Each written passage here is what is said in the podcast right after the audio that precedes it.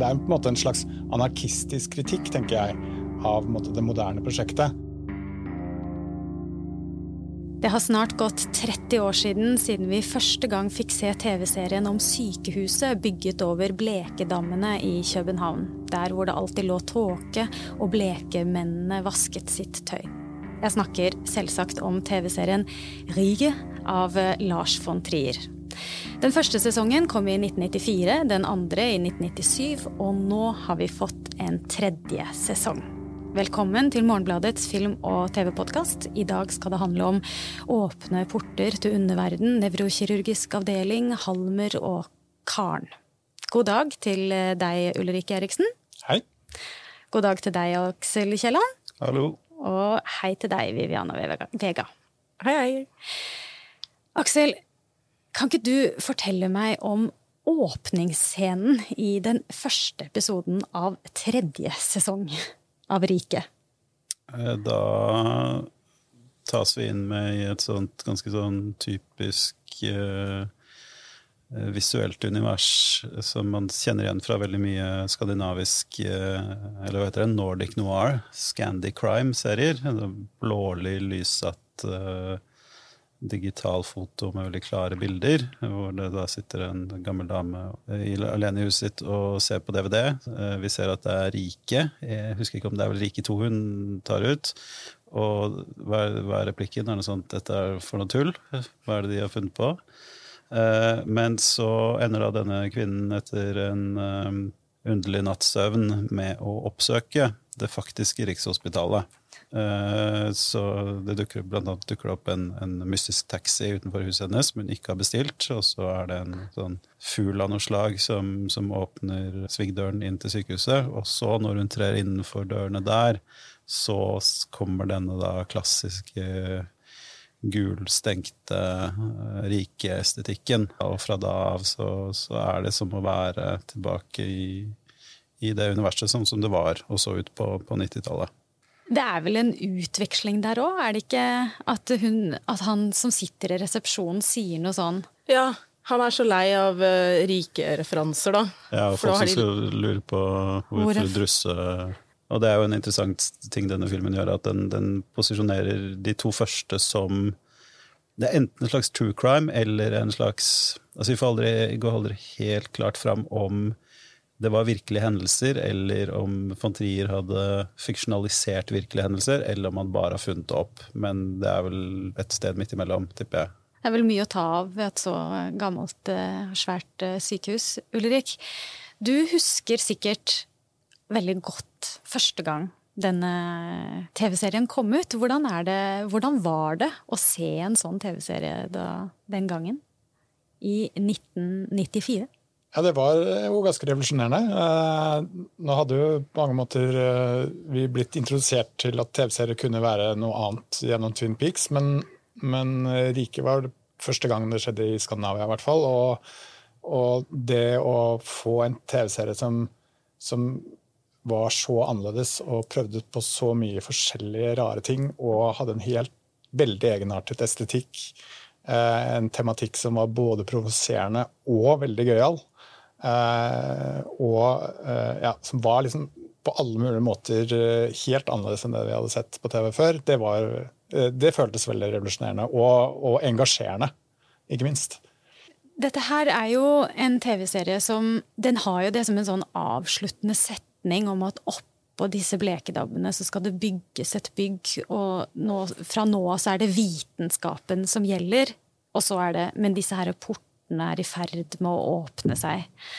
Eh, det er jo på en måte satire over tiltro til vitenskapen som virker til å være et tema her. Og eh, satire over svensker.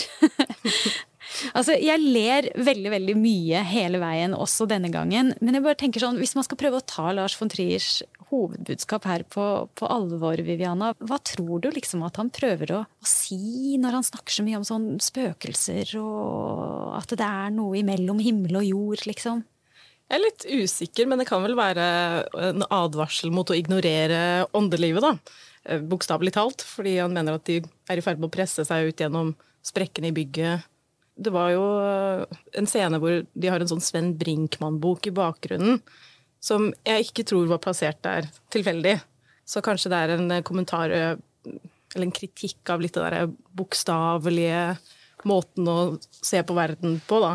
Det er litt sånn jordnære, sosialdemokratiske, vitenskapelige. Mm. Sven Brinkmann er jo Danmarks eh, aller mest kjente psykolog, og han er på en måte, han sier vel sånn cirka det samme hver gang, og det er at mindfulness er noe tull og Si nei til selvhjelp, ja. uh, sånne ja. ting. Mm. Og mot tomme floskler og sånt. Ja, og altså, Han legger det jo fram ganske tydelig i åpningssekvensen. altså Det er jo et sånt bilde av måte, det moderne mennesket hvor alt som det der, altså åndelighet da, i i sin aller bredeste forstand fortrenges og liksom dyttes ned i kjelleren. Og så eh, får du da denne liksom klare rasjonaliteten på toppen som ikke anerkjenner noe uh, uforståelig og uforklarlig. Og så uh, korrumperes da denne samme rasjonaliteten innenfra i form av liksom alt dette som tyter opp bokstavelig talt gjennom fundamentet.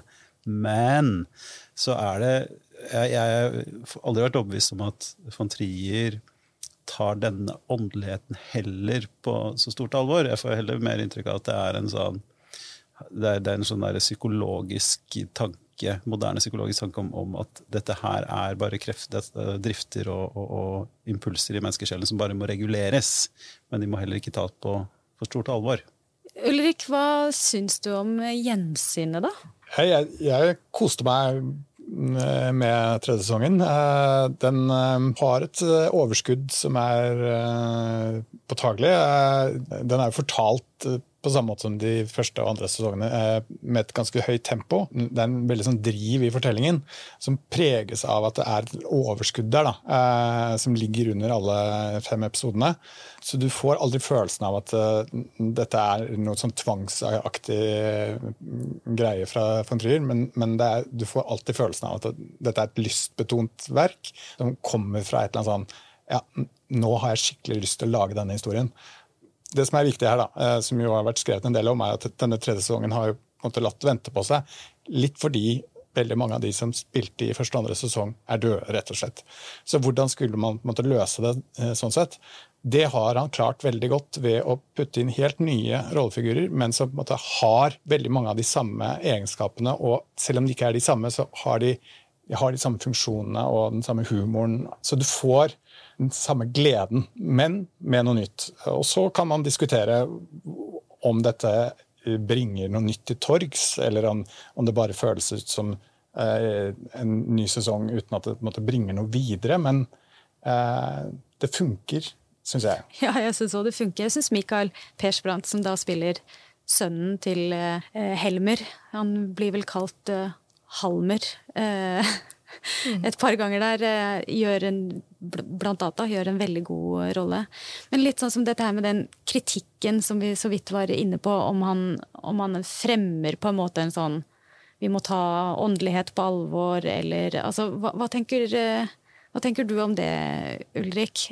Oppfordrer han oss til, oss til noe her, eller? Eh? Han oppfordrer oss til å eh, leve eh, friere liv, tenker jeg. det er ikke verst. eh, og, og, at vi ikke skal la oss eh, lure av eh, maktmennesker. Og vi skal heller ikke la oss styre for mye av hva samfunnet ønsker eller vil. Så Det er på en måte en slags anarkistisk kritikk, tenker jeg, av måte, det moderne prosjektet. Illusjonen som det moderne prosjektet gir om frigjørelse, er falsk.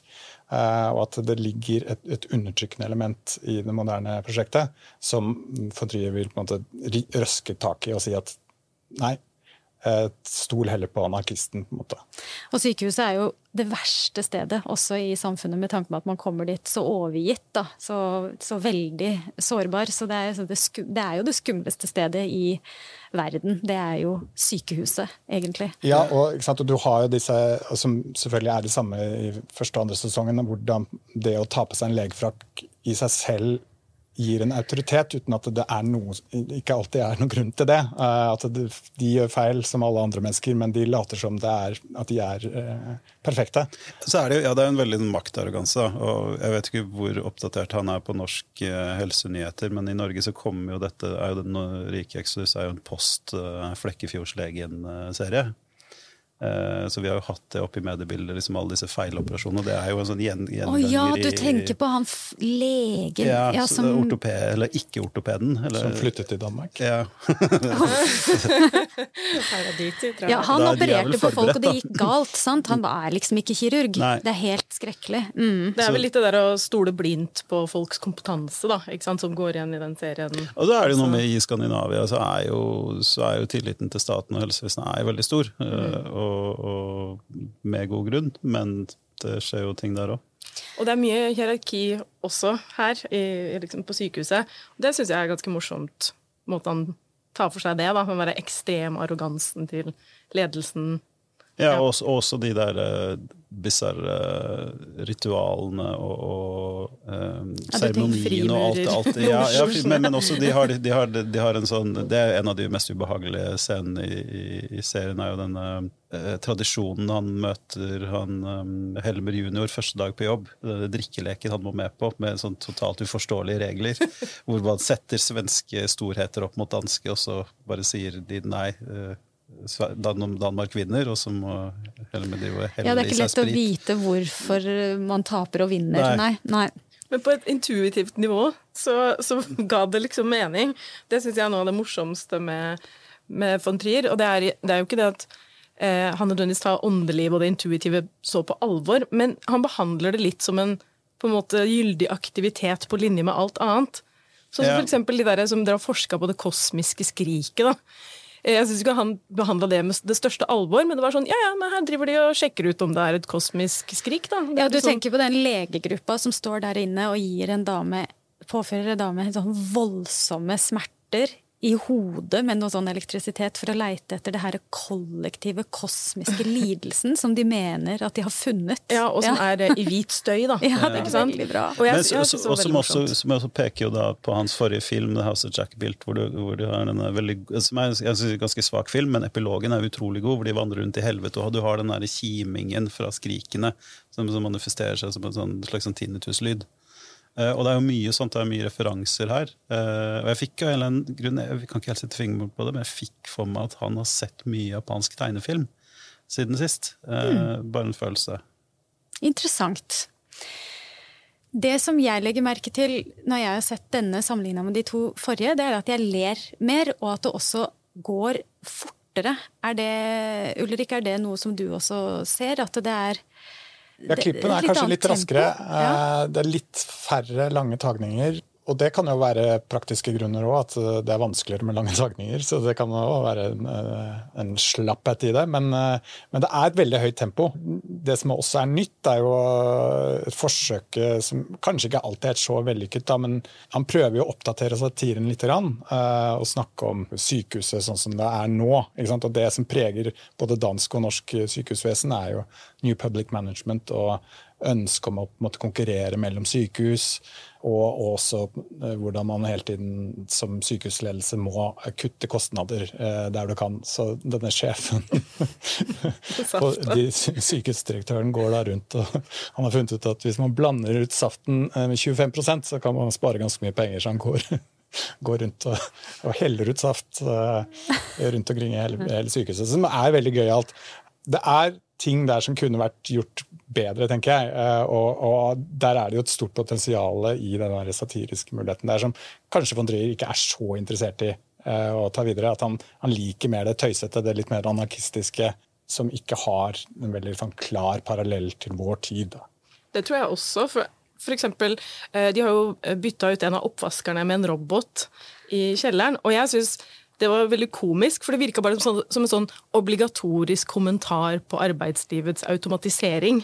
Det var ikke noe sånn der, skulle ikke bety noe veldig dypt. Det var bare sånn ja, ja, vi må vel si et eller annet om dette som har skjedd de siste 30 årene. Ja, han slipper selvfølgelig alle tallerkener i, i bakken. denne roboten. Ja. Fullstendig inkompetent, sånn som alle andre som jobber på, på Rigi. da. Jeg, jeg syns det er um, et element av det man snakka en del om da um, tredje sesongen av Twin Peaks eh, kom for noen år I 2017 så ble det snakket en del om det man kalte late style, som jeg aldri liksom har virkelig kommet til bunns i, men det er et begrep som både liksom stammer fra Theodor Adorno og Edward Said har snakket om. og sånn. Men, men, da ble det i hvert fall beskrevet som at når kunstnere blir gamle mot slutten av sin karriere, blir de veldig sånn tilbakes, uh, tilbakeskuende. De blir opptatt av liksom si, kjernetemaene sine, formative opplevelser, kunstopplevelser og sånne ting. Og, og, mens seriene eller filmene eller verkene da blir litt sånn mer gjennoms, gjennomskinnelige, gjennomsiktige, ikke like sammenhengende, ikke like liksom, meddrivende og forførende. Hva kan være grunnen til at de gjør det sånn, da?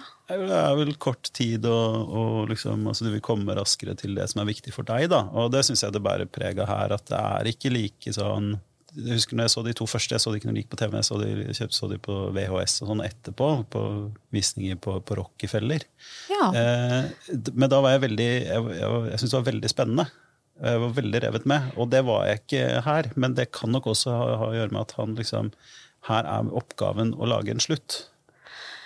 Ja, jeg sitter også med den at eh, de første to episodene, da så jeg på det som en spennende TV-serie. Som jeg lurte ofte på hvordan det skulle gå med de ulike aktivitetene til de folka i kjellere og, og sånn. Og her så er det mer sånn Lars von Trier har giddet å lage en sesong til til oss. Til oss som bare vil så gjerne tilbake.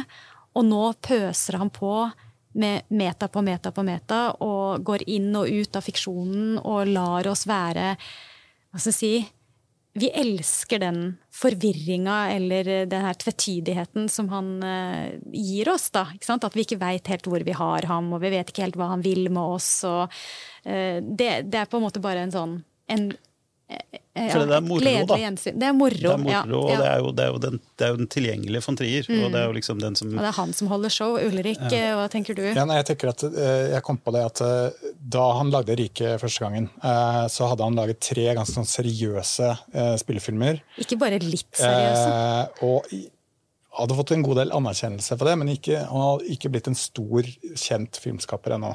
Rike ble på en måte hans eh, store kommersielle suksess, men også den som gjorde ham berømt som filmskaper. Og den gleden som det skapte i han, eh, altså den derre der følelsen av at man kan gjøre hva han ville, at, at han slapp å på en måte være så seriøs, slapp å, å forholde seg til så veldig mye filmatiske regler. Altså, han har jo selv sagt at han kastet ut nesten bare som Matador-skuespillere fordi at han ønsket å måtte, lage et sånt melodrama som skulle engasjere. Og Det i seg selv var en sånn, jeg tror en kreativ drive som det skapte, som jeg tror kanskje han ønsker å gå litt tilbake til nå. At han kanskje henter opp igjen riket fordi at han husker det som en sånn kreativ boff.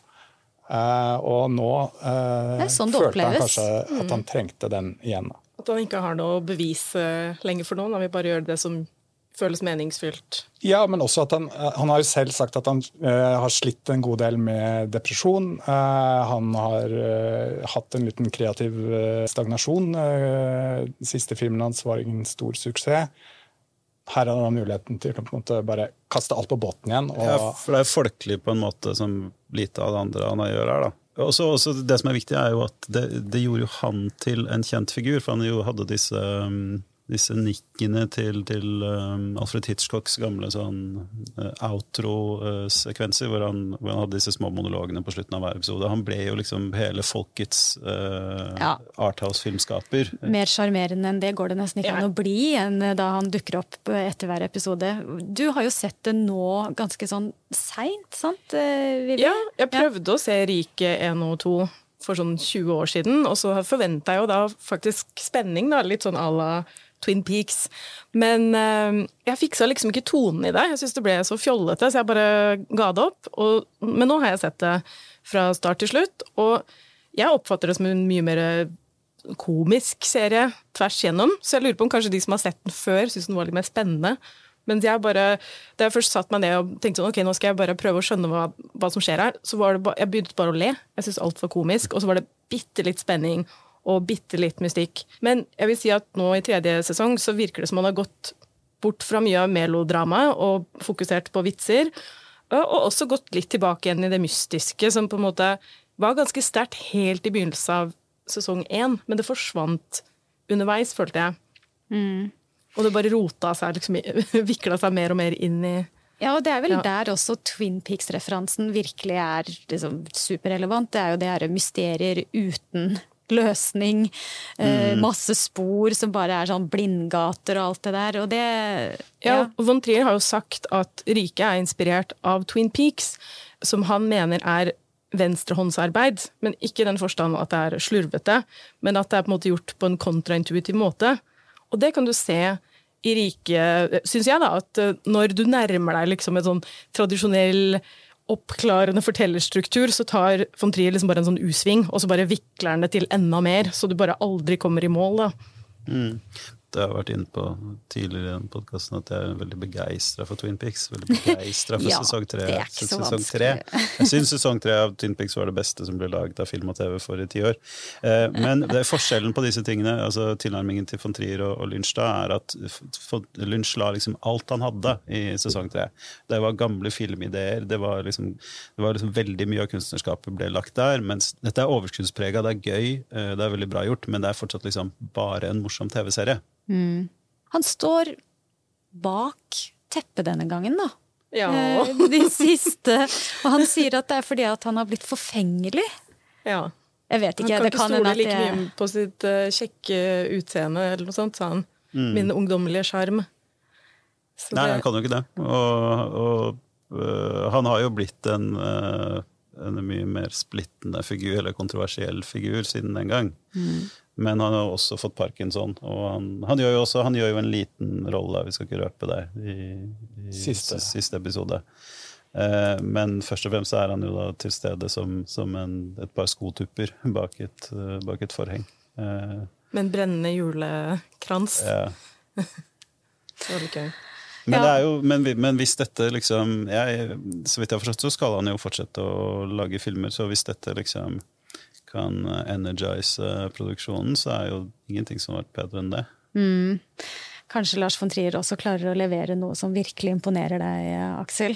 Ja, Han har jo altså, altså, han har gjort det. Han har laget veldig Tidligere. mange filmer jeg setter veldig høyt. Men, Ja, Hva er Lars von Trier-favorittene deres, da, nå som vi er inne på det? Jeg tror kanskje Melankolia, faktisk. Mm, men jeg har ikke sett så mye av de eldste, må jeg innrømme. Er det noen som Hva heter den? Spasserne? Idiotene? 'Idiotene' er min favoritt. Ja. Det overrasker meg ikke. jeg er jo også svak for de sånn melankolia og Antichrist. Da. Mm. Men også liksom Europa Epidemic. Ja. Og Breaking the altså, Det er veldig mye. Er han, er jo, han er jo vår, altså Skandinavias øh, en av de aller største noensinne. Altså, Jeg tror 'Breaking the Waves' in er den Dark. som eh, folk, folk flest refererer til en sånn film der de nesten ikke klarte å gå ut av kinosalen. Det ble for mye. Jeg ble Jeg tror deprimert også nok av kanskje 'Idiotene' er min uh, favoritt. Uh, husker jeg så den sammen med moren min på kino, som, uh, som ble helt sånn grønn i ansiktet av kvalme fordi det var håndholdt kamera. kamera. Var liksom ikke vant til å sitte og bli så svimmel i en kinosal. Vi må avslutte med noen anbefalinger, faktisk. Vivi, har du noe? Ja, nå som eh, det viser seg at eh, det går an å hente tilbake en serie etter 25 års opphold, så vil jeg anbefale to serier jeg håper du eh, får en eh, sesong tre. Eh, og det er to serier som er på HBO, som Jim Carrey har hatt noe med å gjøre. Den ene heter Kidding, hvor han spiller hovedrollen. Og den andre heter I'm Dying Up Here, hvor Jim Carrey er produsent. Og den handler om eh, standup-komikere i Los Angeles på 70-tallet. Veldig bra serie. Ulrik? Ja, jeg tenkte jeg skulle anbefale eh, sykehussatire. Uh, først så tenkte jeg på MASH, men så kom jeg på uh, Hospital fra 1971, året etter MASH, uh, som er fra et amerikansk sykehus, eh, skrevet av Paddy Chayefsky, som jeg har nevnt i podkasten tidligere. Som er en fantastisk satire, og som tar en veldig uh, uventet vending mot slutten. Så, eh, og lander på, med begge beina. Kan jeg bare spørre, er sykehussatirer nesten en egen sjanger? Fordi det er så mye å ta av ting som kan gå galt? Ja, og så har det dette, dette, disse hvite frakkene og den, det der spillet som det representerer. Du har det også i, i eh, Las, Lazarescus død, den rumenske filmen fra 2005, er det vel, som også tar eh, legerollen ganske hardt i kragen. Ja, for det er vel fortsatt sånn at det er ikke noe yrke som du kan få mer respekt for å ha, enn hvis du sier at du er hjernekirurg, liksom. Det slår alt, sant? Nei, Og så kan du ikke gjøre mer skade. Nei. Eller det er vanskelig å gjøre mer skade hvis du gjør en dårlig jobb. Det er vel det at legevitenskapen har tatt eh, livet av flere enn de har klart å redde. Aksel, har du en anbefaling ja, på tampen? Eh, en film jeg burde nevnt blant hans beste filmer. Hans andre store TV-arbeid. eh, TV-filmen 'Medea'. Han lagde tidlig på 90-tallet. Eh, en ganske lite sett film, men veldig, veldig sånn stemningsfull og, og, god filmatisering av, av stykket. Det var det vi rakk for denne gang. Vil du lese Aksel Kiellands anmeldelse av Rike Exodus, så kan du gå inn på morgenbladet.no og tegne deg et abonnement. Og inni den avisa, langt bakover i arkivene, så kan du lese en haug av film- og TV-anmeldelser. Det var det. Vi høres neste uke.